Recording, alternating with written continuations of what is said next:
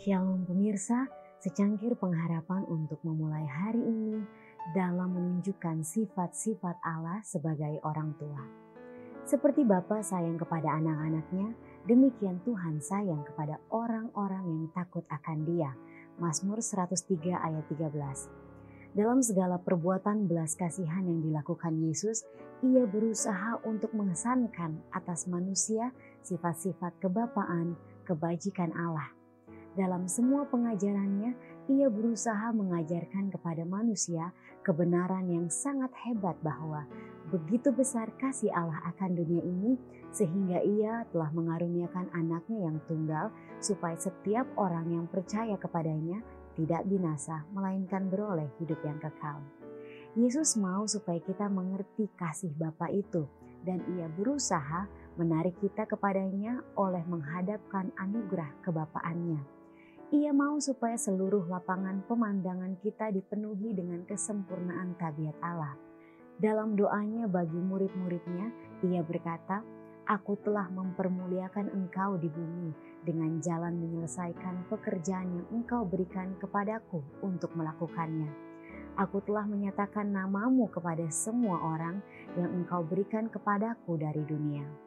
Yesus datang ke dunia ini untuk menjelaskan tabiat Allah dalam hidupnya sendiri dan menghapuskan apa yang sudah disalah gambarkan oleh iblis dan ia menyatakan kemuliaan Allah.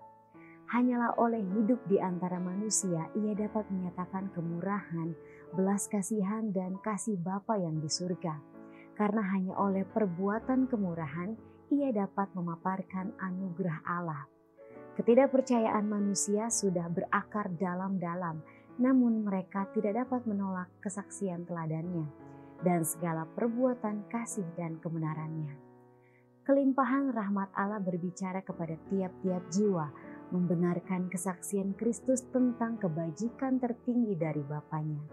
Tuhan mau supaya umatnya menyadari bahwa berkat-berkat yang dikaruniakan pada ciptaan adalah seimbang dengan tempat yang diduduki oleh ciptaan tersebut di dalam penciptaan.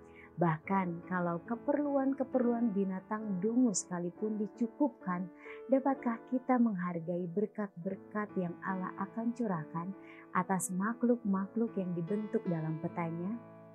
Allah adalah kasih dan ia peduli kepada kita. Seperti Bapa sayang kepada anak-anaknya, demikian Tuhan sayang kepada orang-orang yang takut akan dia. Demikianlah renungan kita hari ini. Selalu mulai hari Anda dengan secangkir pengharapan.